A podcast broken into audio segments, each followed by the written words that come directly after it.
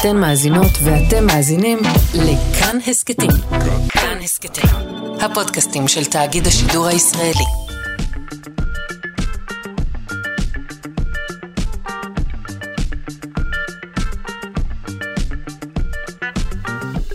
שלושה שיודעים.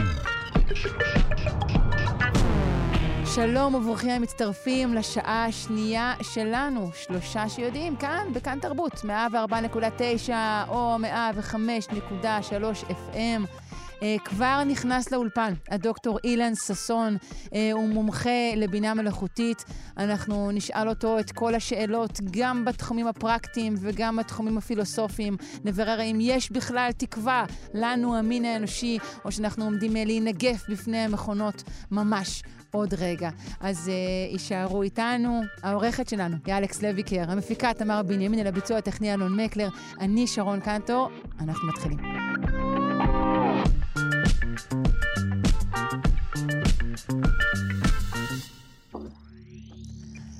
שנים חשבנו שתהליך המיכון של הציוויליזציה יהיה בדמות אה, רובוטים שמביאים לנו קפה למיטה ומצמידים עבורנו זוגות גרביים. לאלו אנחנו עדיין אה, מחכים, אבל אם לעומת זאת אנחנו רוצים אה, תמונה אמינה של המשפחה שלנו, כולל סבתא על מאדים, את זה בהחלט אפשר לקבל, די בקלות. וגם טקסט שמסביר בצורה יפה והגיונית למה בחרנו כולנו לעבור למאדים.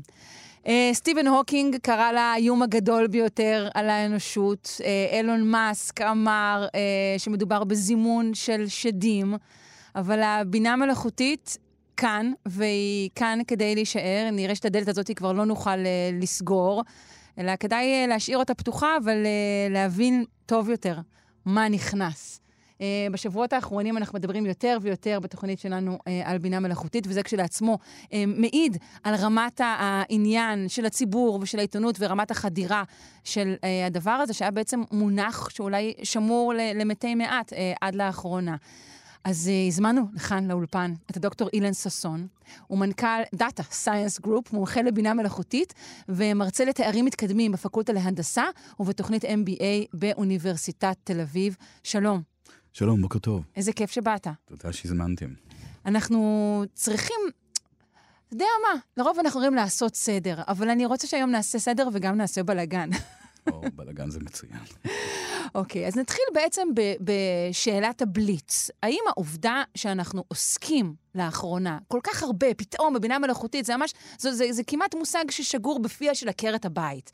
אה, זה, זה בגלל שפשוט פתחו שימושים שהיו עד עכשיו סגורים לאוניברסיטאות פתאום לקהל הרחב? מצוין. אז בעצם זו טכנולוגיה שאני חושב שהיא חובה, מה שנקרא רגע תומאס אדיסוני. ולמה? מכיוון שתומאס אדיסון לא בהכרח המציא את נורת הליבה. אבל הוא עשה משהו הרבה יותר גדול, הוא עשה לנו חשמול של החיים שלנו. הוא בעצם לקח את החשמל והנגיש אותו ויצר את התעשייה שבעצם מנגישה חשמל לכולם. אז מה קורה היום? אז היום באמת ה-Machine Learning או ה-AI כפי שקוראים לו, אז יצא בקע מביצת המעבדה. ויצא לעולם, ועכשיו כולם יכולים לעשות צ'אט GPT, ויכולים uh, לנהל שיח מול הצ'אט הזה, ויכולים לייצר את התמונות, או את החיוויים הגרפיים האלה שתיארת.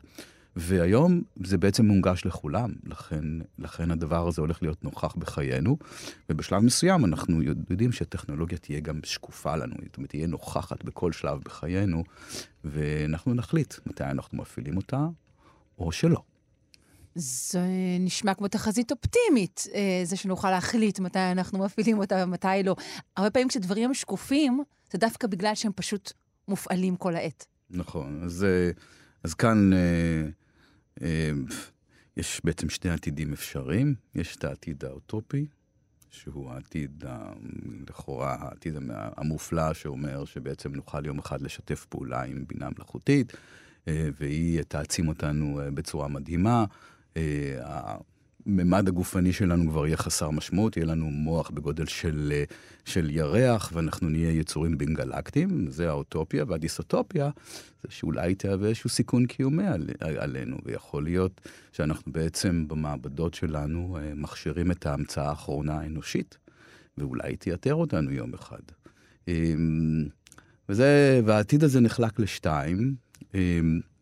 מי שאגב אה, אה, מחזיק בשני העתידים האלה, אה, זה פרופסור מאוקספורד, שהוא שוודי, שנקרא ניק, ניק בוסטרום, והוא גם המנכ"ל של, של קתדרה שמתעסקת בעתיד האנושות. והספר המונומנטלי שלו והקנוני שלו נקרא Super Intelligence, או בינה תבונית, על תבונית. בינת על. בינת mm-hmm. על, כן. והוא בהכרח, והוא ממש מדבר על הנושא הזה, על, הש... על העתידים האפשריים האלה, ואם אפשר לקרוא לזה ככה, הוא לוקח את הגישה הקצת יותר פסימית, ואומר, אנחנו צריכים לנהל את הסיכון. שהדבר הזה הוא לא מופרך, ויום אחד תהיה כאן על הכדור הזאת איזו בינה שבעצם יכולה אה, לא לשתף איתנו פעולה, או לא להבין את מה שבני אדם, את הערכים שלהם. אה, והוא בעצם אולי סוכן הביטוח של האנושות כשזה מגיע לבינה מלאכותית. אני חושבת שהיה באמת איזה, איזה רגע של, של אה, תבהלה. אה, כשהמהנדסים של פייסבוק הפגישו, אני חושבת, זה היה שני צ'טבוטים, הם היו צריכים להתאמן על איזה משא ומתן, ומתי שהם עברו לדבר באיזו שפה משלהם, וזה, אמרו, אוי, לא, זהו, מדברים ואנחנו לא מבינים. כן. אז, אז רגע, אז בואו בוא, בוא נספר מה זה. כן. Okay, אוקיי, מה זה מודל אוקיי. שפה. נכון, נכון. אז, וגם אז... אם תוכל, אתה יודע מה, נעשה לנו גם טיפה אה, סדר במושגים, בכל זאת, כן. של באמת אה, בינה מלאכותית לעומת אה, אה, אה, למידה עמוקה, הדברים האלה הם לא לגמרי זהים. אוקיי. Okay. אז קודם כל, אה, אז נגיד ככה. אה, בינה מלאכותית היא לא משהו שבאמת קיים, אני חייב להגיד את זה, למרות שזה מושג שאנחנו משתמשים בו הרבה, ואני אסביר גם למה. אנחנו באמת לא מבינים עדיין את הבינה האנושית. אנחנו לא באמת מבינים איך המוח שלנו פועל. אז אה, לטעון שאנחנו מבינים איך הוא פועל, ואז לכלוא אותו בתוך קופסה מלאכותית ולהגיד שיש בינה מלאכותית, זה קצת מופרך. ייקח קצת זמן לדבר הזה, אבל אנחנו באמת אה, עושים למידת מכונה. אז המכונה בעצם אה, מונגש לה הרבה מאוד אה, נתונים, במקרה הזה של GPT או צ'אט GPT שבטח שמענו, או דלי, אז מונגש לה הרבה מאוד, מצבור גדול מאוד של נתונים, שהם יכולים להיות ממודליטי שונים, או טקסטים, או תמונות. ובעצם מה שהמכונה עושה, אפשר לומר, זה שהיא בעצם מנסה ללמוד, אם אנחנו מסתכלים על מילים, היא מנסה בעצם ללמוד את ה... המילה הבאה. בהינתן שאני נותן לך מילה אחת, הוא מנסה לנבא את המילה הבאה. עכשיו... כל, כל המודלים בנויים על העיקרון הזה, לא, או לא, שיש... המודלים האלה באופן ספציפי הם okay. אוקיי. כאלה שבעצם הם מנסים למצוא איזושהי הסתברות לקיום איזשהו רצף שפ... בשפה, אוקיי? אז היא בעצם, אני מציג לה הרבה מאוד נתונים, והיא מתחילה לאמן את עצמה. להסתכל על מילה ולהגיד, מה ההסתברות שאני אמצא את המילה הבאה, אוקיי? זה כל מה שהיא עושה. כלומר, אם, אם אני מפשטת את זה, אז אם נגיד הכנסתי לתוך אה, מכונה הרבה תמונות של כלבים והרבה תמונות של חתולים, הפעם הבאה שהוא רואה יצור שיש לו שפם, הוא אומר, סביר להניח שזה חתול, נכון? משם זה מתחיל. בין היתר. זאת למידה עמוקה. אוקיי. Okay. שהיא בעיית, אה, נקראת בעיית קלסיפיקציה, שבעצם רוצה לעשות קלסיפיקציה בין חתולים. אבל מודל השפה הוא, הוא באמת מודל יחסית פשטני במובן שהוא לא באמת מבין את השפה. אז מה, הוא סטטיסטי? כלומר... הוא סטטיסטי לחלוטין. אוקיי, כלומר... אוקיי. אוקיי. כל מה שהוא עושה בסך הכל, הוא מנסה... תראי, קודם כל, צ'אט GPT, כל המודלים האלה באמת, הם לא מבינים את האמת, הם לא יודעים להבחין בין אמת ובדיה, אוקיי? זה, זה פשוט חייבים לה, להגיד את זה. ו, והמושג באמת, באמת עדיין לא ניתן לפענוח על ידי אלגוריתמים. שהאמת היא חוויית הקיום שלנו, ו, ו, המודל, למעט האספקט הלשוני, הלינגוויסטי, לא באמת מבין מה אנחנו אומרים. נכון שברגע שמנגישים לו את כל הטקסט שזמין לו בוויקיפדיה ו- ו- ואת כל הטקסט המדעי, אז הוא לומד הרבה מאוד שכיחויות וצירופים של מילים, ומתוך זה הוא מסנטז שיח. אז... השאלה שכמובן עולה, עולה לי מול זה, זה האם אנחנו באמת יודעים להבחין בין אמת לשקר, או שגם אנחנו בעצם כל הזמן רק בתהליך אינסופי של הסקת מסקנות על סמך דברים ששמענו בעבר. בוא נאמר שיש לנו יכולות, יש לנו אה, יכולות של הנמקה והסקה סיבתית. ולכן אנחנו יכולים בעצם לגלות בצורה כלשהי אם מישהו אמר לנו אמת או שקר. המכונה לא מבינה את מה שהיא אומרת. המכונה בהרבה מובנים היא תוכי דיגיטלי. אוקיי? Okay, וחייבים להגיד את זה. ונכון, אה, על GPT-3 ועל הצ'אט נאמר שהוא טוב להחריד, אבל הוא חסר דעת לחלוטין. ו- ואני רוצה לומר לך, הוא עושה דברים מדהימים, כן? יש הרבה מאוד דברים שהם מאוד מרשימים שהוא עושה. אוקיי, אין, אין, לי, אין, לי, אין לי מה לומר על זה, אבל אנחנו חי, חייבים להגיד שלמכונה עדיין אין את ההבנה הבסיסית שיש לבני אדם. מכונה לא לומדת כמו בני אדם. מכונה חיה בזמן הווה מתמשך. אני מציג לו הרבה נתונים, והוא לומד מהם משהו. אבל הלמידה שלנו, יש לה את ממד הזמן. אנחנו כתינוקות לא נולדים עם שום מאגר מידע שמונגש אלינו. אנחנו רוכשים את הידע תוך כדי תהליך למידה ארוך, ויש לזמן ולאפיזודות שאנחנו חווים בזמן שאנחנו רוכשים ידע, משמעות נורא גדולה בזמן שאנחנו משחזרים את הידע הזה. ולמכונה אין את זה. המכונה, אני מנגיש לה עכשיו משהו, ואין לה עבר. אבל לה... תאורטית, אם נחבר מכונה כזו לחיישנים עצביים, לצורך העניין, ונה, ונעביר אותה לאורך זמן, היא כן תוכל ללמוד בצורה שיותר דומה אולי ללמידה של בן אנוש. אוקיי, okay, אז את מדברת, אז, אז תראו, כל מה שאנחנו עושים עד היום, זה נקרא בשפה שלנו, נקרא נאו-AI. AI שהוא צר, אוקיי? Okay? במובן שאני יודע לעשות uh, כמה משימות, או משימה אחת. בעולמות של, uh, של ה-LLM, של המודלים השפה הענקית, אז אנחנו מדברים גם על מולטימדליות, מדברים גם על תמונות ונוסחאות ועוד כל מיני דברים, וזה בסדר גמור. אבל בפועל, אם את מסתכלת על זה, מספר המשימות שאת עומדת בפניהם בכל רגע נתון כבן אדם הוא כמעט אינסופי ובלתי ידוע מראש. ואת יודעת לנווט בכל רגע נתון בין המשימות האלה. המכונה היא, יש לה טסקים מאוד מאוד ברורים שהיא התאמנה עליהם. היא לא מסוגלת עדיין לרכוש את היכולת לייצר טסקים מעצמה בצורה מאוד מאוד מושכלת, אוקיי? ואם היא עושה את זה, אז היא עושה את זה בצורה הסתברותית.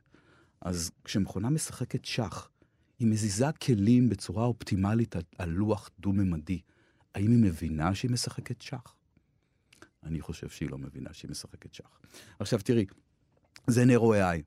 העולם שאת מדברת עליו נקרא AGI, Artificial General Intelligence, אוקיי? Okay? זאת הבינה המלאכותית האולטימטיבית. שהטענה היא בעצם שיום אחד באמת תהיה איזושהי מכונה, שאגב, תיארת נכון, אנחנו עדיין לא יודעים איך היא תיראה. יכול להיות שזה יהיה מחשב אחד, או רשת של מחשבים, או כפי שתיארת, יכול להיות שאני אקח את המכונה, ואני אגדל על צלחת פטרי איזושהי רקמה של, ה, של העונה הקדם-מצחית שלנו, ואחבר אותה, ופתאום okay. כן. אני אקבל איזשהו extension מטורף. גם יכולת של מוח ביולוגי, וגם את המוח הדיגיטלי. אה, וזה עתיד אפשרי אגב, אוקיי? Okay? בהחלט שכן. אה, הטענה היא שביום שמכונה כזאת תהיה יותר חכמה מאיתנו בצורה משמעותית, אנחנו נאבד את ההגמוניה על הכדור הזה. מכיוון שאנחנו חו... חווים את הקיום שלנו על הכדור הזה רק בגלל תעלת הלידה הקוגניטיבית שלנו, אין שום סיבה אחרת. הגורילה יותר חזקה ממך. היא יכולה לטלטל אותך בשנייה ולשבור את המפרקת של הדם. הסיבה שהגורילה מתקיימת זה שיש לנו מוסר שרוצה לשמר אותה. עכשיו ניקח את העולם הזה ונדמה אותו בעוד מאה שנה קדימה, ותכף נדבר גם על מושג הזמן כאן. אוקיי, אז יש בינה מלאכותית שהיא יותר חכמה מאיתנו. האם אנחנו עבורה הגורילות? היא פשוט יותר חכמה. האם היא תרצה לשמר אותנו? אני לא יודע להגיד לך.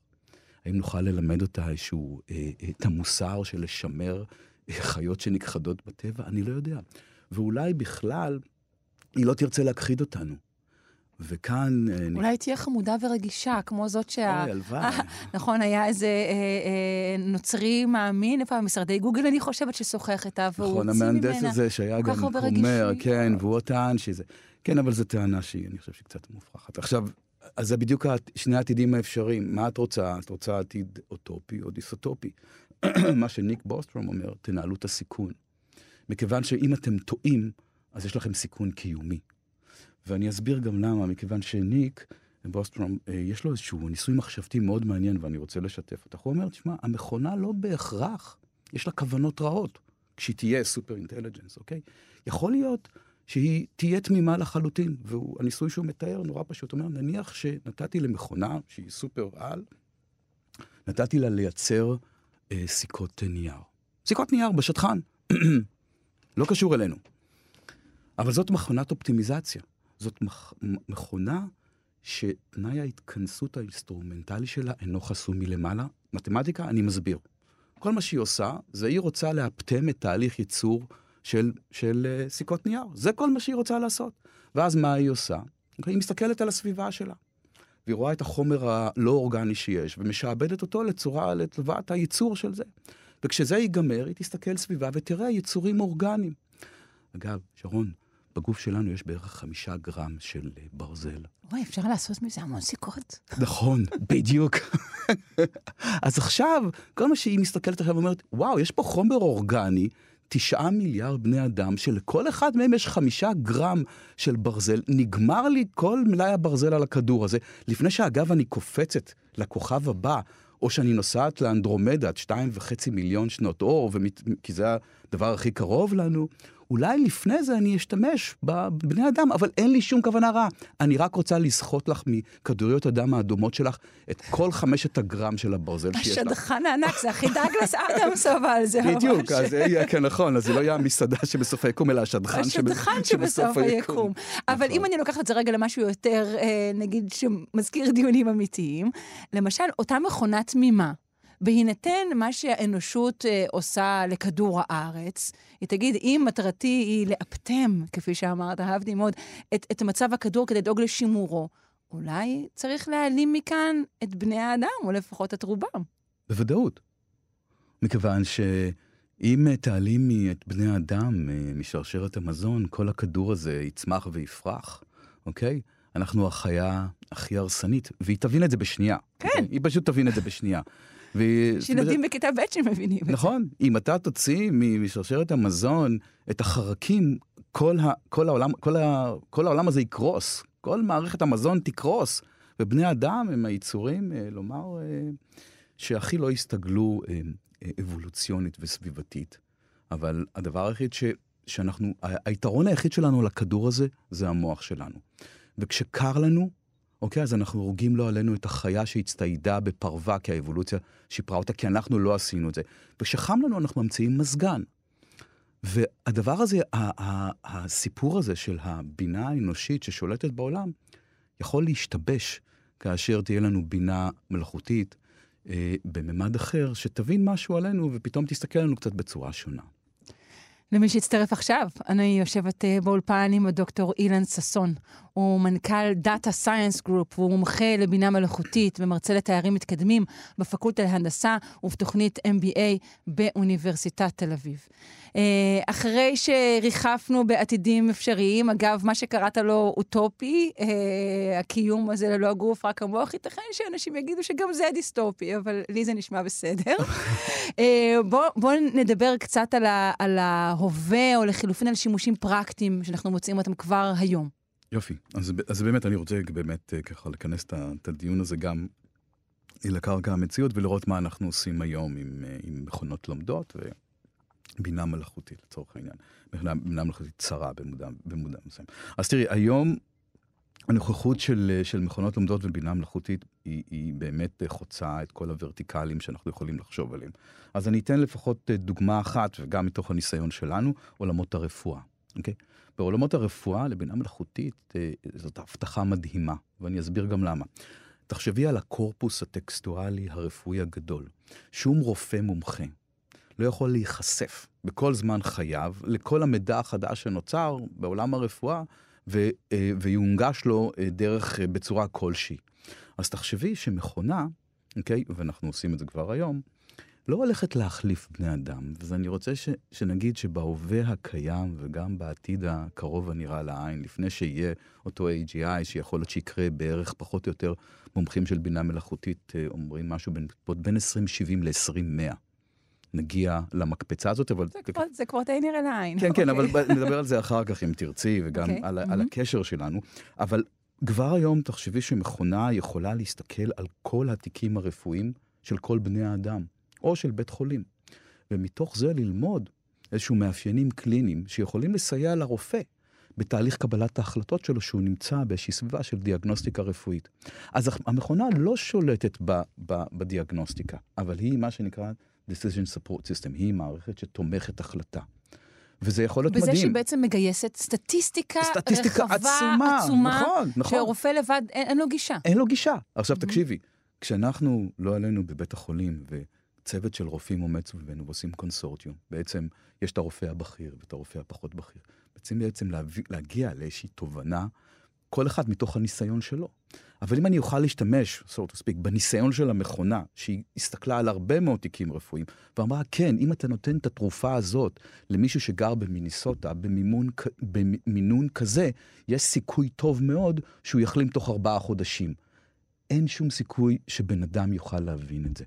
ולכן אני רואה בעיניי עולם הרבה יותר אוטופי בטווח הקצר, של שיתוף פעולה בין מכונה ואדם. והשיתוף פעולה הזה הוא מאוד חשוב, ואנחנו, אני נורא נושא, מנסה גם לקדם את זה גם בחיים המקצועיים שלי, ולבוא ולומר, אני רוצה ליצור איזושהי סביבת עבודה היברידית, שלוקחת את הדיוק של המכונה ואת היצירתיות של המוח האנושי, ולחבר אותם ביחד ולייצר משהו יותר טוב. וזה קורה בהמון תחומים. אז ברפואה, אנחנו יודעים, אוקיי? אה, אנחנו עושים את זה. אה, בתחילת הקורונה אה, עזרנו בין היתר לבית חולים שיבא לנבא הידרדרות של חולי קורונה מתוך הנתונים הקליניים, אוקיי? יש הרבה מאוד, הרבה מאוד אה, אה, יזמיות בתחום הזה. יש קושאים, מכיוון שהמידע הוא לפעמים אה, פר, פרטי וקשה לשתף אותו, אבל אלה, אלה, אלה סיבות טכנולוגיות או אתיות שאפשר כנראה לפתור אותן. אה, אין כמעט תחום היום של, של, של, שאנחנו מתעסקים בו שאין בו נגיעה של Machine Learning, אוקיי? אבל אם, שוב, אני חושבת על, על, על, על, על כל הרופאים האלו שתיארת, עומדים במעגל, יכול להיות שמה שעומד להתייתר זה באמת אה, נושא הניסיון? יכול להיות. יכול להיות, יכול להיות שנושא הניסיון יפנה את עצמו, או שאני, או שאני ארבב אותו עם הניסיון האישי שלי. המטרה היא לייצר, לייצר שיתוף פעולה. אני לא רוצה להחליף, אני רוצה לייצר שיתוף פעולה. גם אם לרופא יש תחושה ש... תראי, המכונה לא יכולה עדיין להסתכל בעיניים של החולה או לאחוז בו ביד ולחוש אותו. זה, זה עדיין לא אבל קרה. אבל אולי העיניים והיד הן, הן שקריות. אם, אם לאורך זמן ההחלטות של המכונה יהיו טובות יותר סטטיסטית, עם הזמן זה כן ייתר את, ה, את הרופאים, שוב, לצורך העניין. יכול לייתר פעולות מסוימות שהרופאים עושים. אגב, אני מזכיר לך שבחדרי ניתוח יש זרועות רובוטיות שמונעות על ידי בינה מלאכותית, והן לא חשופות לא לרעד של הרופא, לא לפתיג פקטור שלו, לעייפות שלו, mm-hmm. של של חמש בערב, כן. והיא כנראה עושה את זה ברמה יותר מדויקת, אבל עם השגחה אנושית, אוקיי? וזה מה שחשוב להגיד. ולכן אני רואה את הסינרגיה, את הקולוברציה הזאת, את השיתוף פעולה, ולשם אנחנו רוצים לקדם את הדברים, לפחות בטווח הקצר. ומאידך, אנחנו מדברים על ניק ובוסטון, מה שאמרתי, בוא תנהל גם את הסיכון שיום אחד הדבר הזה עלול אה, אה, אה, לנבא את הסוף שלנו. ושני הדברים האלה צריכים להתנהל במקביל. מצד אחד לנהל את הסיכון, ומצד אחד לראות את ההזדמנויות בטווח הקצר. תראי, המכון, הטכנולוגיה, קשה לנו לנבא את הקצב של האירועים הטכנולוגיים. אה, לפני כמה מאות שנים, או כמה מאה ומשהו שנים, אנשים נולדו לתוך המהפכה התעשייתית עם קיטור, נולדו לתוך, עם, עם ההריסה בתוך קיטור ומתו. היום קצב האירועים הוא מטורף. אנחנו לא יכולים... הטכנולוגיה מתפתחת בצורה מעריכית, אבל היכולת שלנו לבחון את הטכנולוגיה היא עדיין נשארה לינארית. ולפעמים מתפתחת בקצב כל כך מהיר שלא משאיר לנו את הריחוק הזה כדי להסתכל על הדברים ולשפוט אותם. והדברים קורים בקצב שאנחנו לא מסוגלים אפילו לשפוט אותם. והדבר הזה, ולטכנולוגיה, עד כמה שמוזר, יש, יש ממדים אבולוציוניים. היא כמו אבולוציה. היא כל הזמן רוצה לגדול ולהתפתח, ויש לה מורכבות גדולה, והיא רוצה לתקשר. היא פשוט, ואנחנו לא עוצרים את הטכנולוגיה. אף אחד מאיתנו לא ויתר על האייפון או על הגרסה החדשה של התוכנה לטובת גרסה ישנה, אלא אם כן אתה עושה את זה. יש כמה, כן. כן, אתה עושה את זה, אבל זה אידיאולוגיה, זה כן. דעת, כן, זה לא... כן. אז לנו באמת קשה לבחון את, ה, את, האופ, את האופן שבו טכנולוגיה עשויה להתפתח, ואנחנו גם לא יכולים תמיד לאמוד את זה.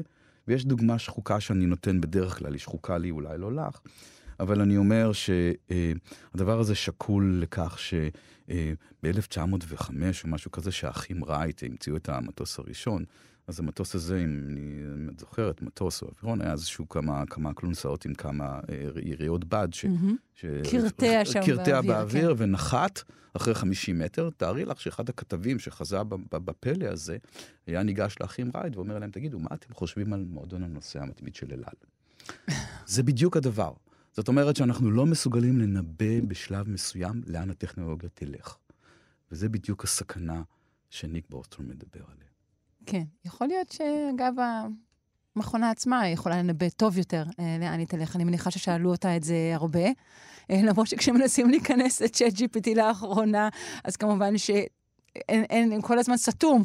יש הודעה כזאת מרגיזה, נגיד אתמול עלתה שהמכונה מבקשת ממני לנשום עמוק, כי הרבה אנשים כרגע מנסים להיכנס, אז בבקשה להירגע, שזה היה מרגיז מאוד.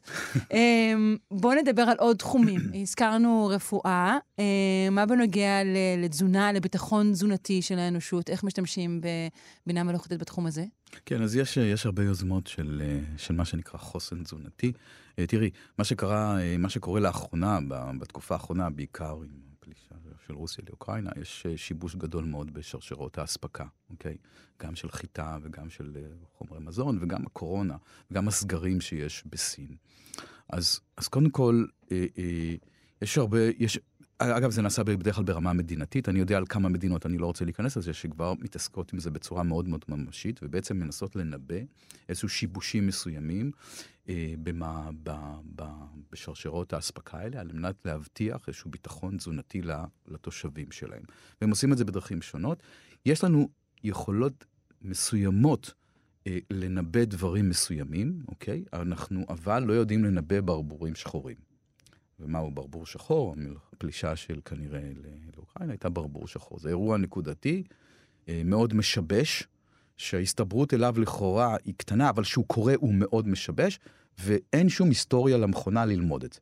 אוקיי? המכונה לא תמיד יכולה ללמוד בסביבה של דלילת אינפורמציה, כן? זה לא כמו בני אדם שצ'יק צ'אק כן? מבינים שתינוק אחרי שתיים או שלוש פעמים שנופל לו הכדור, הוא, הוא, הוא מתחיל לחוש את, את הגרביטציה. מכונה צריכה לקבל את זה בצורה קצת יותר אה, לעוסה. אוקיי, אז, אה, אז איך בעצם משתמשים אז, בזה? אז אנחנו יכולים לדוגמה להסתכל על תמונות לוויין של, של אזורים מסוימים של גידולים, ולראות את הצבעים שנוצרים, ולהסתכל על נתוני מזג האוויר, ולנסות uh, לראות uh, uh, מה מצב הלחות של האדמה עם סנסורים של IoT. אה, קטנים כאלה שהם, או שאנחנו יכולים אה, אה, לנסות להבין האם יש איזשהו, בעזרת תמונות, להסתכל האם איזשהו מזיק שפוגע בעלים. ופשוט לנתח את הנתונים האלה ולעזור בקבלת החלטות ופשוט לנסות לנבא כמה, כמה, כמה יבול אני אוכל לקבל מהאזור הזה, והאם הוא ייצור איזשהו מצב של מחסור. ואולי לחשוב על פתרונות אחרים. Okay. אוקיי? זה לא שהמכונה תגדל, אבל היא תעזור לך לקבל החלטות מושכלות, איך לנהל מצבים משבריים. זה לא, זה לא, זה אתגר די מסובך, מכיוון שיש בו הרבה מאוד משתנים, כמו שאמרתי, חלקם צפויים, חלקם לא צפויים.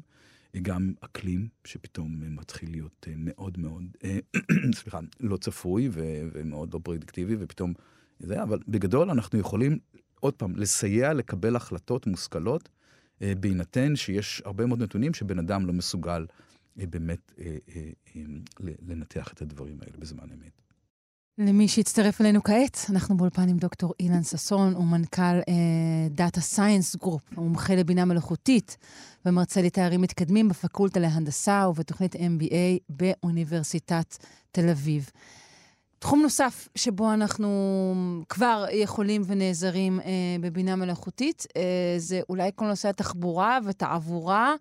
אה, שוחחנו אפילו השבוע עם, אה, עם אה, מפתחים אה, שבעצם מעוניינים להכניס את כל הדאטה הקיימת מכל מחזיקי הטלפונים, בעצם לשים חיישנים על הכבישים, ובכך לעזור בתמרון התנועה ובמניעה של תאונות. מצוין, נשמע מאוד הגיוני אפילו. יש, יש פה איזה חסם קטן של באמת אה, להביא את הטכנולוגיה שתהיה זמינה בכל מקום, על מנת שיהיו איזשהו סנסורים שיחושו את, סליחה, את הסביבה ועל סמך זה, אבל תקשיבי, כל דבר, כל סט גדול של נתונים, שיש בו איזשהו סיגנל שמכונה יכולה ללמוד אותו באופן סטטיסטי, הוא מועמד להיות משהו שאפשר להגיד ש-Machine Learning או Data Science או מדעי נתונים יכולים לעזור לתחום מסוים. אז אני אתן לך דוגמה. אה, אנחנו עובדים עם אחת, אה, חברת ספנות גדולה מאוד. אה, טוב, נגיד את שמה. ו, ושם, בין היתר, אנחנו מנסים לסייע להם לנבא את הנושא של fuel consumption, של, של צריכה של, של, של דלק. אז כדי לחסוך, גם לחסוך בכסף, אבל גם פחות לזהם, שהדבר הזה מאוד מאוד חשוב. יש מקומות מסוימים שאנחנו מנסים לנבא אמ, בחברות מסוימות אה, שהן מוכרות איזשהו שירות או מוצר, אנחנו מנסים לנבא את המחיר העתידי בנתן היצע וביקוש ושינויים. אז יש לי הרבה מאוד נתונים היסטוריים, ואני מנסה פחות או יותר לנבא איזושהי, איזושהי, איזושהי תבנית בתוך הנתונים, שיכולה להגיד, אוקיי, המחיר של המוצר הזה או הסחורה הזאת יהיו כאלה וכאלה. אז כמעט אין, אין תחום שאנחנו לא, מתעסקים באדברטייזמנט, אז את נכנסת לאתר ואת רואה כתבות נוספות שמומלצות, אז חלקם מנסים להיות מאוד מאוד פרסונליות ולהתאים את זה אלייך באופן אישי או לקבוצת אנשים. העלבון, העלבון, אני מעולם לא התעניינתי בדבר הזה. אוקיי. אתה כשאתה מתאר את כל הדברים האלו ככה, אני בכלל לא מאוימת. זה נשמע לי כמו איזה קלסר גדול, לצורך העניין. איזה קלסר עצום, הקלסר של היקום. וזה לא מאיים בכלל, זה רק קלסר. אבל בכל זאת, אנחנו מוצאים את עצמנו מול כל מיני שאלות אתיות, גם שאלות באמת ברמה ההומניסטית הכוללת, שקצת נגענו מהן בתחילת השיחה, וגם שאלות אתיות, אה, הייתי אומרת, אה, יותר סקטור, אה, סקטוריאליות, כמו למשל, אנחנו יודעים שמשתמשים במערכות של זיהוי פנים, ושבגלל שהכנסנו עליהם את כל המידע הקיים, הן תמיד נשענות על העבר, ובכך הן ממשיכות לצוד את, ה, את האנשים שאנחנו יודעים שעד היום הם אלו, נגיד, שאכלסו את בתי הכלא, נכון? יש הטיות כאלה. בהחלט, אז הטיות ובייס בנתונים. אז קודם כל, אז את נוגעת בנושא שהוא אה, מאוד פופולרי בתקופה הזאת, אה, שהוא רגולציה ואתיקה של AI, של בינה מלאכותית. האירופאים כדרכם תמיד מובילים את התחום הזה. ואחרים אה, אה, כמובן מצטרפים אליהם. אז... במקרה הטוב הם מצטרפים אליהם. במקרה הטוב הם מצטרפים אליהם, כן. נכון, בהחלט, כן. אז, אז יש רגולציה אה, של הנושא של AI, או מה שנקרא High Risk AI Applications, בין היתר זיהוי פנים, או כל מיני דברים שקשורים בביומטריה, או ב-Wellness שלנו, או בהחלטות שמשפיעות על החיים שלנו, כמו אה, דיור ציבורי, מתן הלוואות. אה, אה, שיטור, אשראי, שיטור, אשראי, כל, mm-hmm. כל ההחלטות האלה הם בעצם באים ואומרים, חברים, אתם צריכים לוודא שהנתונים שלכם אין בהם הטיות אה, למה שנקרא אה, משתנים שמגדירים את תת, תת אוכלוסייה באופן שבו המודל יכול לעשות דיסקרימינציה. אבל אם אפשר שלא יהיו הטיות, הרי אם נשווה את זה שוב למה שאמרנו על רפואה, העניין פה זה הטיה. יפה. אז, אז אוקיי, אז, אז זאת אומרת, כן, אז אנחנו מנגישים למכונה נתונים שהם ממילא אה, מוטים, והיא משכללת את ההטייה. נכון, וזה קרה הרבה פעמים. אז זה קרה פעם בפייסבוק, שרצו אה, להשתמש אה, במכונה או בבינה מלאכותית כדי לעזור בגיוס של אנשי טכנולוגיה. אז הם הזינו למכונה עשרת אלפים קורות חיים של גברים ונשים, והמכונה באופן מאוד מובהק העדיפה לכל המקצועות הטכנולוגיים רק גברים. והפלטה את כל הנשים. לא... וזה היה רק, רק על סמך המגדר, או שהיו פה עוד... היה מסמך המגדר. Okay. היא אוקיי. מצאה את המאפיין הזהב הזה, שנקרא mm. מגדר, mm. והיא התלבשה עליו. אז היא לא הפגינה שום אתיות, לא בגלל שהיא לא אתית, כן, אלא בגלל... כן, זה לא שהיא נכון, אוהבת נשים. יפה. אז עכשיו מגיע הרגולטור ואומר, כשאתה מניח מכונה כזאת אצלך, והיא נוגעת בחיי אדם, אנא תוודא שהנתונים גם הם בייס, אז יש כל מיני שיטות איך לתתקן את ההטיות האלה, או איך להימנע מהם.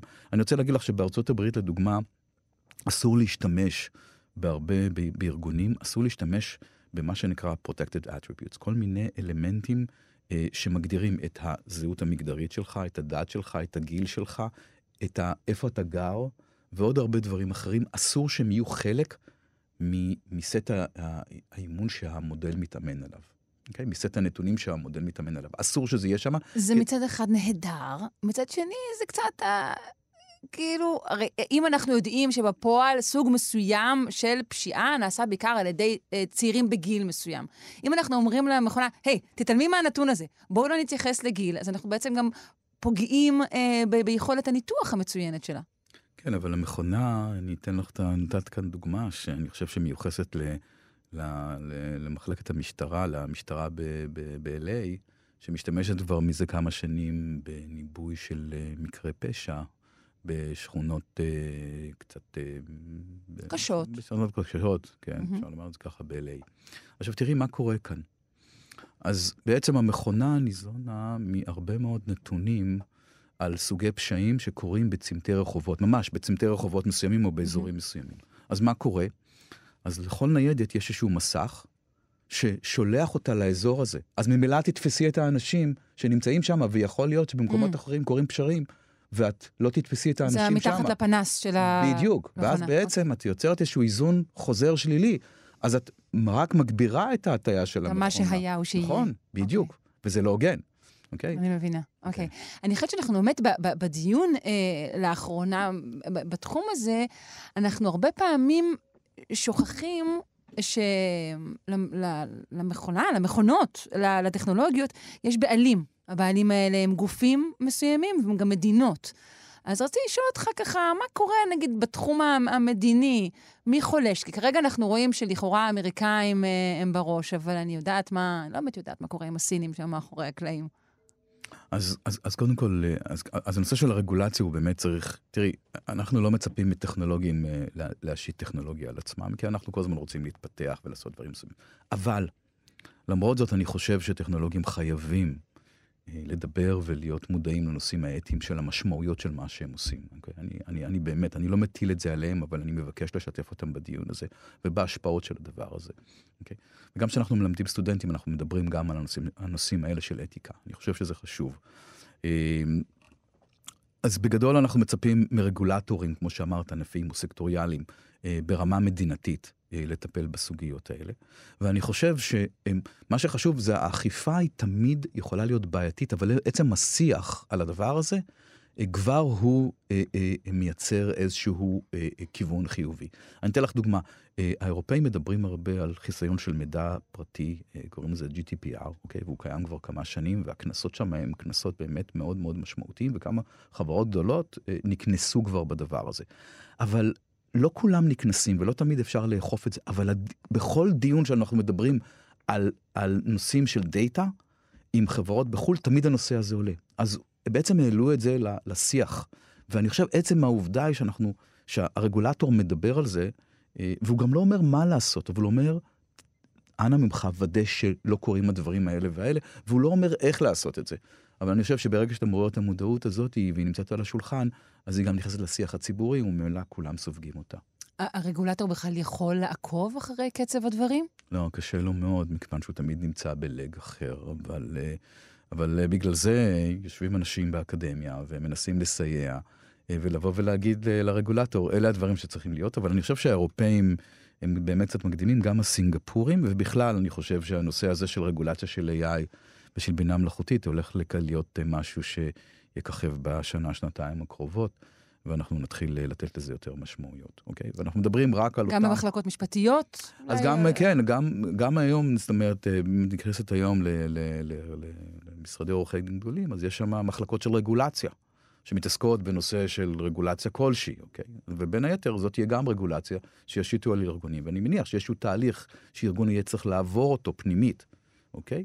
אה, כדי אה, לבוא ו- ולמנוע מצבים שהם יכולים להיות אה, מביכים, כי אם הרגולטור יבוא ויבדוק אותך, אוקיי? אז הוא יחטט לך בקרביים וירצה לוודא שעשית משהו כדי למנוע את הדבר הזה, אוקיי? וזה חשוב לכן, הרבה מאוד חברות מתחילות להיערך לדבר הזה.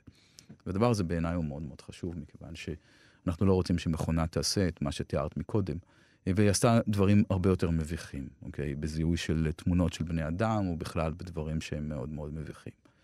כן, אבל השאלה אם היא עשתה יותר דברים מביכים מאשר בני אדם, או פחות. לדעתי בינתיים אחרי הכל פחות. אנחנו מאוד שיפוטיים למכונה. בדיוק. אנחנו, כשאנחנו מסתכלים על מכונות... אנחנו כל כך רגישים ומושלמים, אבל המכונה הזו... מכונות אוטונומיות. הרי אנחנו מזדעזעים כשמכונה אוטונומית, חס וחלילה, דורסת בן אדם, אוקיי? אנחנו אומרים, וואו, שומו שמיים. אבל, אבל אנחנו פשוט לא מתנהלים בצורה הגונה אליה, מכיוון שאנחנו הרבה הרבה יותר רכים לבני, לנהגים דורסים מאשר למכונות דורסות. ועכשיו, אם תסתכלי סטטיסטית על הדבר הזה, אם הייתי, כל המכונות היו, מכוניות היו אוטונומיות לחלוטין, מספר ההרוגים בתאונות דרכים היה קטן בצורה משמעותית. אבל אנחנו היום נזהרים לא להכניס את זה, כי המכונה הורגת. בני אדם לא הורגים, כן, אבל אני אומר את זה כמובן בציניות. וזה, וזה גם, אנחנו לא סימטריים כל כך לכישלון ולהצלחה של המכונה, כמו שאנחנו עושים את זה עם בני אדם. בני אדם אנחנו הרבה יותר רכים. כי לא הרוויחה את uh, זכותה להיכשל. עדיין לא. עדיין לא. עדיין לא.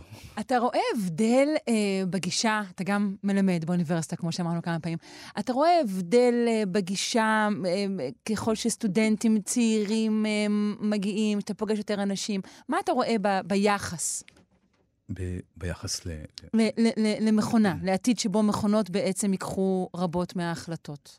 אז, אז זה לא ממש מדברים על זה בחדרי הרצאות, נגיד את זה. אוקיי. אה, מדברים על זה, זאת אומרת, לא בחדרי הרצאות של פקולטה להנדסה. אני מניח שמדברים על זה אה, בקתדרות אחרות שמתעסקות בנושא. יש, אגב, יש קתדרות כאלה בהרבה מאוד אוניברסיטאות, שמנהלות אה, שיח על אתיקה של AI ופרנס והונגונות. אבל בהנדסה לא מדברים על אבל בהנדסה האתיקה. מד- מדברים על זה פחות. אני חבל. דווקא, נכון, בהחלט חבל. אני באמת, ב, אפשר להגיד שהשיעור הבא שאני הולך לתת לסטודנט שלי באוניברסיטת תל אביב, הוא נושא על רגולציה ואתיקה, אה, ו, אה, והוא, והוא גם כמובן נוגע בנושאים שהם, שהם קשורים לאקספלנביליות, ואני אסביר מה זה.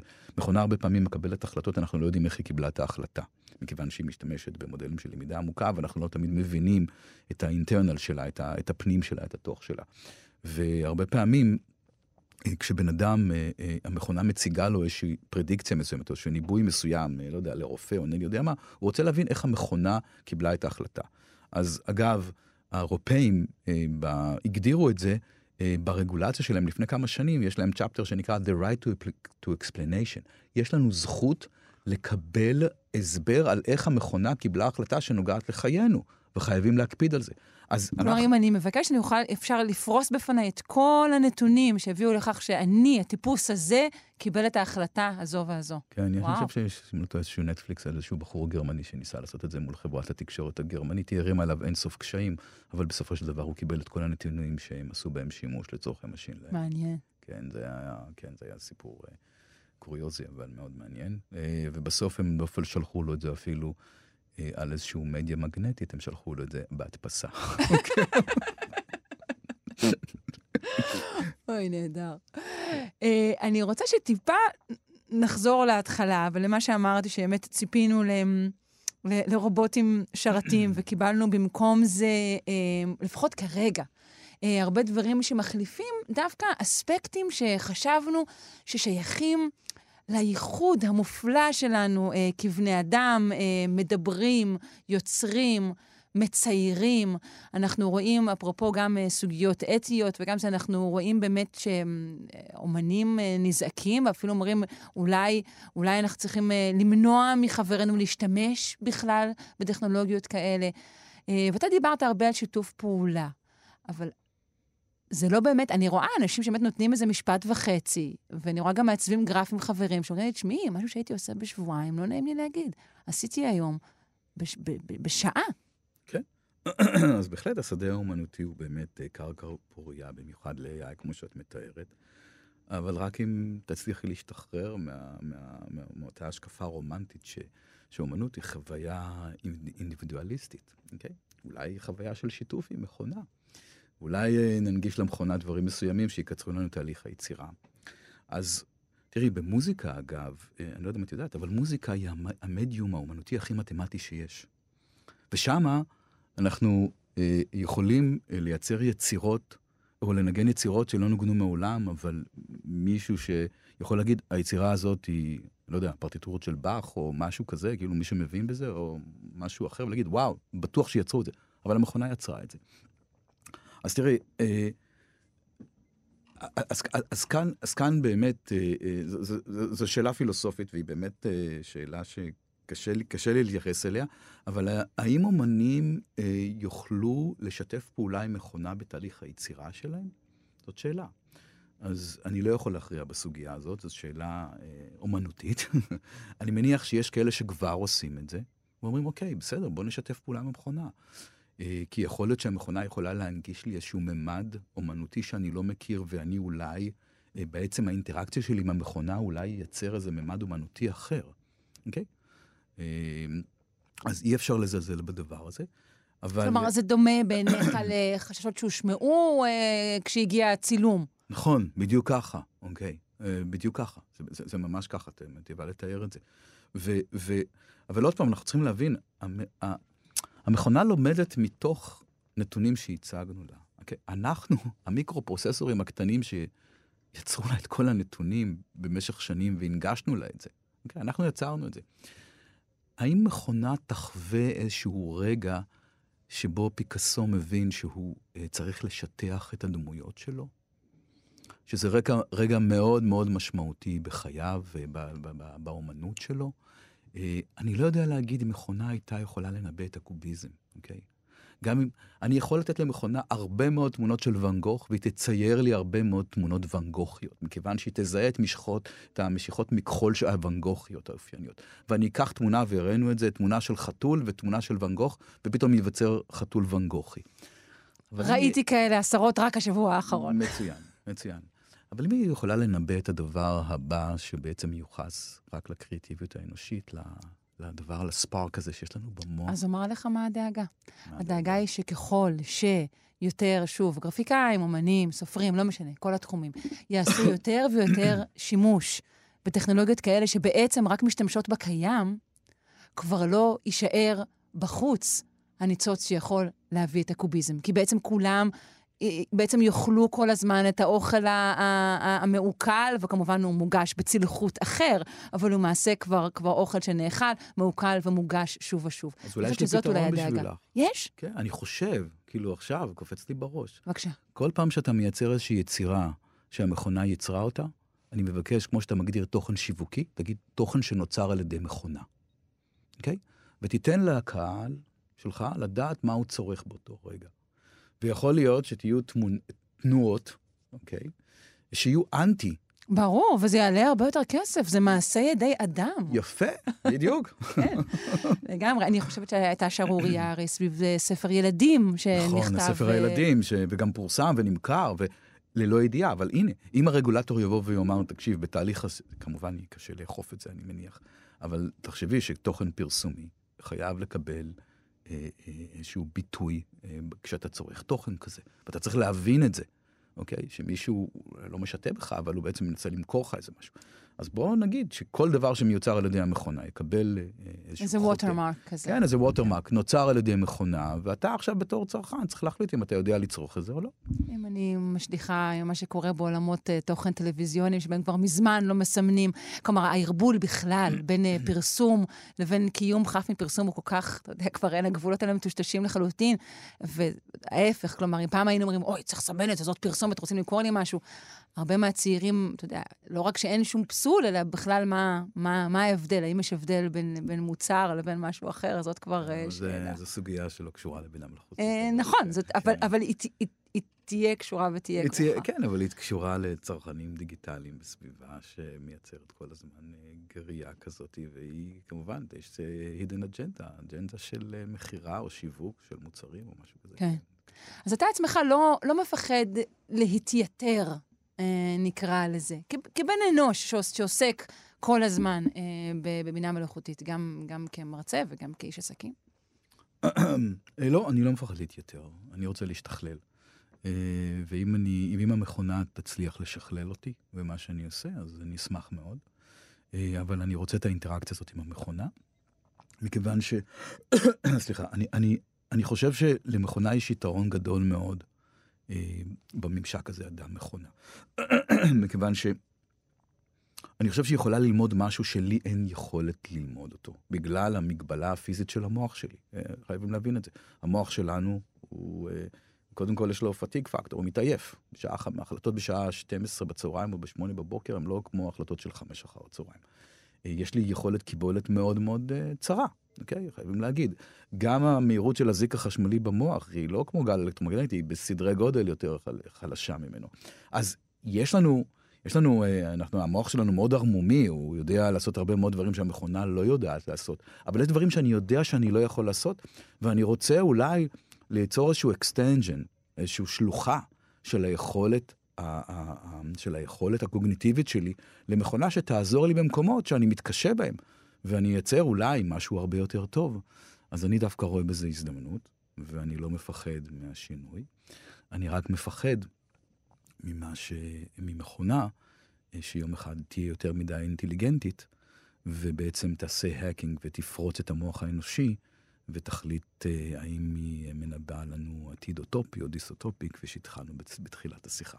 זה הדבר המפחיד, וזה הדבר שצריך לעורר את המודעות שלנו, בבני אדם. ואנחנו uh, צריכים להבין שאם יש סיכון כזה, הוא סיכון קיומי. Uh, זה לא משהו ש, שאנחנו יכולים להתעלם ממנו. ו, ואני מכיר חברים שלי שאומרים, אה, אתה מדבר שטויות? אבל אם אני מדבר שטויות, אז יצאתי אידיוט. אבל אם אתה מדבר שטויות, אתה לא תהיה. דוקטור אילן ששון, אני מודה לך, הזמן שלנו הגיע לסיומו. כיף גדול שבאת. אה, נזכיר שוב, אתה מנכ"ל של Data Science Group, ואתה מומחה לבינה מלאכותית ומרצה לתארים מתקדמים בפקולטה להנדסה ובתוכנית MBA באוניברסיטת תל אביב. אני רק רוצה לסיים ולומר בדבר אחד, ברשותך. ביום שיצור על-תבוני כזה יהיה קיים, מה את חושבת שהשאלה הראשונה שאת תשאלי אותו? רוצה שאני אעזור לך? אתה יכול להגיד לי מה אתה תשאל אותו, כן? אני אגיד לך מה אני אשאל אותו. אני אשאל את המכונה הזאת האם יש אלוהים. ואז היא תהסס רגע ותאמר, עכשיו יש אלוהים.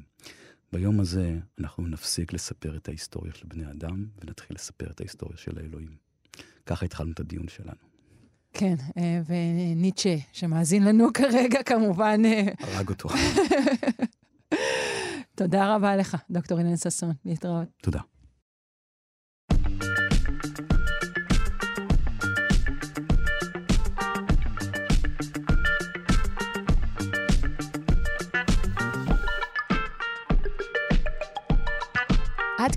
שלושה שיודעים להיום. אני מקווה מאוד מאוד שנהניתם. אם אתם רוצים uh, להאזין uh, לשיחה עם דוקטור אילן ששון שוב ושוב, אנא אסורו להסכת שלנו ביישומון של כאן או בכל יישומון אחר, או uh, סורו לשידור החוזר, שמתחיל בשעה שמונה בערב למשך שעתיים. Uh, אנחנו נפרדים מכם, כל צוות שלושה שיודעים. המשך יום טוב.